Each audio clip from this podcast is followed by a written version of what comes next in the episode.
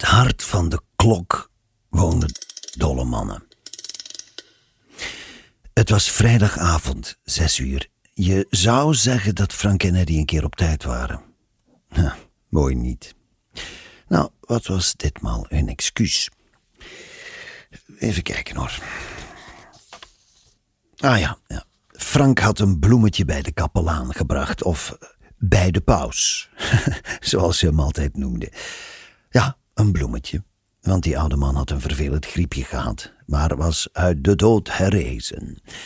Enfin, eh, die oude katholiek had na God en Maria nu ook Frank uitvoerig bedankt. Ja, daarom was hij later. En Eddie. Eddie moest zijn hond nog uitlaten, ja, dat was het. Hij was gek met dat beest. Een bearded collie, dacht ik. Hij voerde daar oeverloze gesprekken mee. Zo ook die middag. En zodoende was hij de tijd vergeten en dus pas later in de kroeg. Misschien. Misschien dacht ik, deden ze dit wel expres? Kwamen ze bewust te laat, uit protest? Het was per slot van rekening al vrijdag en het verhaal van Simon meanderde maar voort als een. Sowieso kabbel het beekje waarin Frank en Eddie elke dag hun hengel wierpen, maar niets vingen. Morgen was het al zaterdag, hè? de bonte avond. Ja, dan zou toch alles duidelijk moeten zijn. Als ze tenminste goed hadden opgelet. Frank riep weliswaar doodleuk dat hij de oplossing had, maar uh, dat was bluf. Hij was gewoon te eigenwijs om toe te geven dat hij het ook niet wist. En daarom was hij gisteravond blijven hangen in de kroeg. Om langer beter na te denken om de oplossing te vinden. En bovenal om stevig door te drinken op kosten van Simon. Ah ja, wat dat betreft was dit weekje wel geslaagd. Uh, en toen Frank vrijdag binnenkwam, stak hij meteen weer drie vingers in de lucht. En doe er wat jenever bij, riep hij luidkeels, om vervolgens aan Simon te vragen hoe dat toch was, hè, om geld te hebben, om alles voor iedereen te kunnen betalen. Hoe, hoe rijk ben je eigenlijk? vroeg hij. Simon haalde zijn schouders op en mompelde. Een schrijver kan een dure pen kopen, maar geen verhaal, snap je? ja, Eddie knikte meteen, blij dat hij eindelijk iets begreep. Het gaat om ideeën, zei hij. Ideeën zijn gratis, Frank. Wat dat betreft valt het me tegen dat jij er zo weinig hebt. Ik keek naar Simon en zijn glimlach. Hij, hij was rijk, heel rijk, dat wist ik, maar als ik zijn signalement moest geven, zou ik zeggen: hij is een geboren landloper.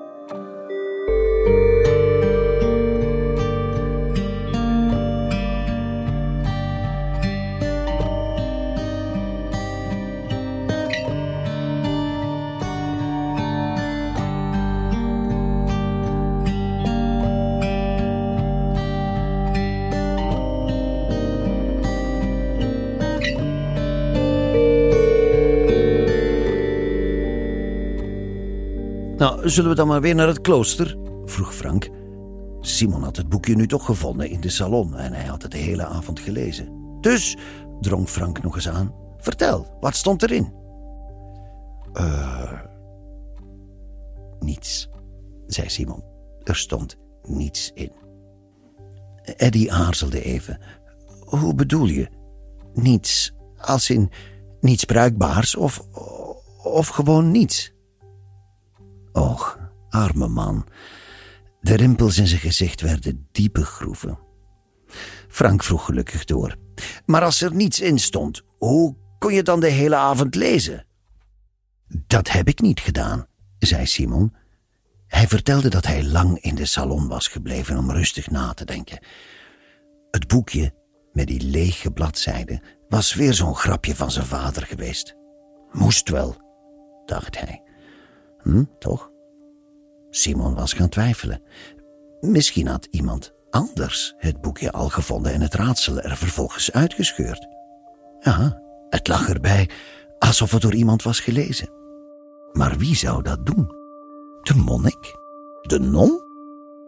Waarom kwam zij opeens de salon ingelopen om alleen even te glimlachen en meteen weer te vertrekken? Ah, hoera, het paranoïde spel, riep Frank, die meteen opmerkte dat het niet logisch was dat de monnik hem naar de salon, de plaats delict, bracht, als hij nota bene zelf de boel had belazerd. Als hij die blaadjes eruit had gescheurd. Welke idioot doet dat? Simon knikte. Ja, nou ja, dat was inderdaad wel raar. Maar hij had gedacht dat het een hoffelijke manier was om iemand te vertellen dat het spel is afgelopen. Elk raadsel sterft als het is opgelost. Dan is er niets meer te weten. Dan hou je lege bladzijden over. Simon vervolgde zijn verhaal. Hij uh, was niet meer zo op zijn gemak. En de volgende ochtend had hij in een vlaag van verwarring de non gezocht. Wat wist zij van het boekje? Hij klopte op de deur van haar kamer. Geen reactie. Klopte nog een keer. Het bleef stil. Simon haastte zich door de smalle gangetjes, de grote trap af naar beneden, richting de oude ontvangsthal. En daar, daar stond ze, in gesprek met weer een nieuwe bewoner. De non had Simon in haar ooghoek zien staan, maar begon net aan haar vaste riedeltje van drie vragen. Vraag 1. Stel je hebt om drie uur middags een date met Flipje, wat trek je dan aan? Volgende vraag. Wat heb je liever? Duizend bommen of granaten? Haar slotvraag was bekend. Weet jij mijn telefoonnummer? Simon zag de nieuwe bewoner twijfelen. Uh, ja, wat trek ik aan? Uh, uh, een rode jas en, en doe mij maar bommen. Duizend stuks. telefoonnummer? Geen idee. Wat volgde was het ritueel rond de huisregels. maar daar wilde Simon niet op wachten. Nee, hij zou de non later wel spreken. Hm. Eerst maar eens de woonkamer doorzoeken, want zolang hij het raadsel niet had gevonden, kon het hier nog altijd liggen.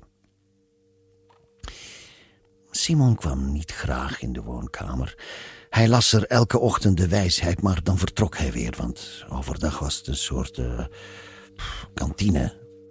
Een hutsepot van gekakel waar de bewoners elkaar op alledaagse ditjes en datjes trakteren.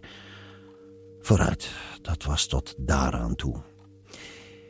Maar erger waren al die meningen van bewoners die onderbuik en bovenkamer niet konden scheiden. Simon was hier voor zijn rust, de stilte. Maar zelfs in dit vredige klooster, zelfs hier was je niet overal veilig voor de grondtroepen van het eigen gelijk. Hij stond bij de deur van de woonkamer en dacht aan zijn vader, die hem ooit vertelde over een beroemde schaakwedstrijd met één nieuwe regel. Je moest proberen om het potje te verliezen. Een grootmeester speelde tegen een dwaas, had zijn vader gezegd. Wie won, of in dit geval, verloor. Simon had als kind geantwoord dat de grootmeester alle zetten beheerst, dus ook de domme zetten, en dus makkelijker kon verliezen. Mwah, had zijn vader gezegd, je neemt de dwaas niet serieus. Je weet toch dat één gek meer kan vragen dan tien wijzen kunnen beantwoorden? Simon wist nog dat hij die dag geen zakgeld kreeg. Hij had uit de hoogte gedacht en dus besloot hij zich ditmaal wel tussen de roeptoeters te begeven. De dwazen, de, de allesvinders. Hè? Omdat, ja, omdat, wie weet, alles hier te vinden was. Dus ook het boekje. Hij ging naar binnen liep langs de oude bakstenen muren, de schilderijen en verder achter de banken richting de open haard. Maar hij zag niks geks. Simon wilde graag weer weg. Weg uit de geur van wafels en kletskoeken. Het liefst naar buiten om een lange wandeling te maken. Hij keek op de klok. Het was zeventien over acht. Of dertien voor half negen. Raar, mompelde Simon, want uh, dat was het helemaal niet. Die klok stond verkeerd. Ja, Ja, die klok stond stil en verkeerd. Nou ja, dat gebeurt wel eens, hè. Of hmm, misschien moest hij toch even kijken. Beter kijken.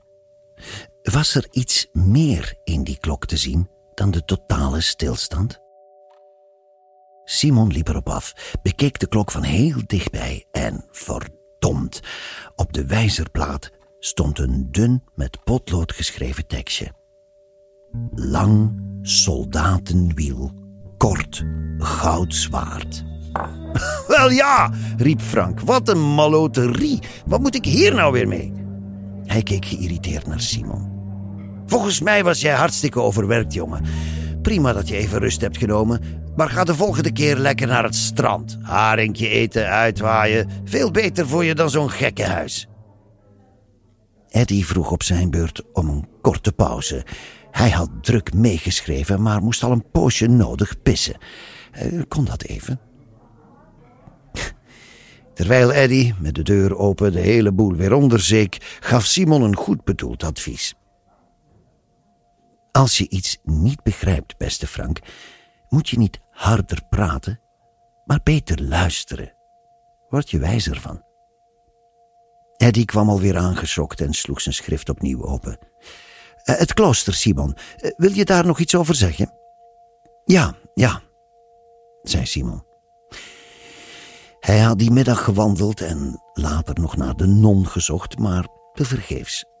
Dus keerde hij terug naar zijn kamer waar hij een dutje had gedaan voor het diner. Eenmaal wakker vond Simon een kaartje dat onder de deur was geschoven. Een nieuwe huisregel, namelijk: we moeten allemaal onze telefoon uitzetten. Pff, tuurlijk, zei Frank. Zo min mogelijk contact met de buitenwereld, hè? Straks kwamen ze jullie nog redden. Simon vertelde stug verder.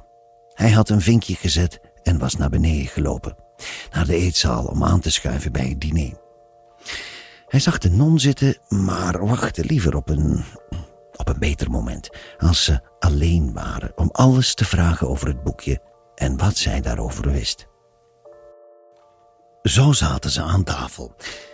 Vlak voor het hoofdgerecht werd opgediend, tikte de non met een mes op haar glas om de nieuwe huisregel aan te kondigen.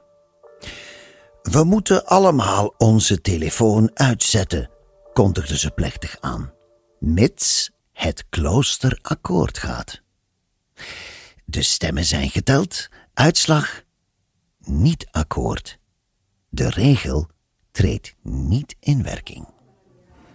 Jan Dori, zei Eddy, dat hoor ik voor het eerst. Ik vond het trouwens ook al een vreemde regel. Een brug te ver als je het mij vraagt. Simon maakte zijn verhaal af. Die avond, na het diner, was de nieuwe bewoner op hem afgestapt. Hij had het tijdens de maaltijd niet durven zeggen, maar uh, die regel, zoals de non het op het kaartje had geschreven, was niet helemaal wat hij had voorgesteld. Hij wilde vanaf zes uur s'avonds het geluid van de telefoons uitzetten. Dat was alles. Hm, vreemd, dacht Simon. Maar ja, de non werd ook een dagje ouder. Niks om je druk over te maken. Daarna was Simon op de veranda gaan zitten om een sigaret te roken. En nog één. En nog één. Om uiteindelijk pas weer laat naar bed te gaan. Toen hij de volgende ochtend de woonkamer binnenliep, had hij de verse wijsheid op het bord gelezen. In het hart van de klok wonen dolle mannen.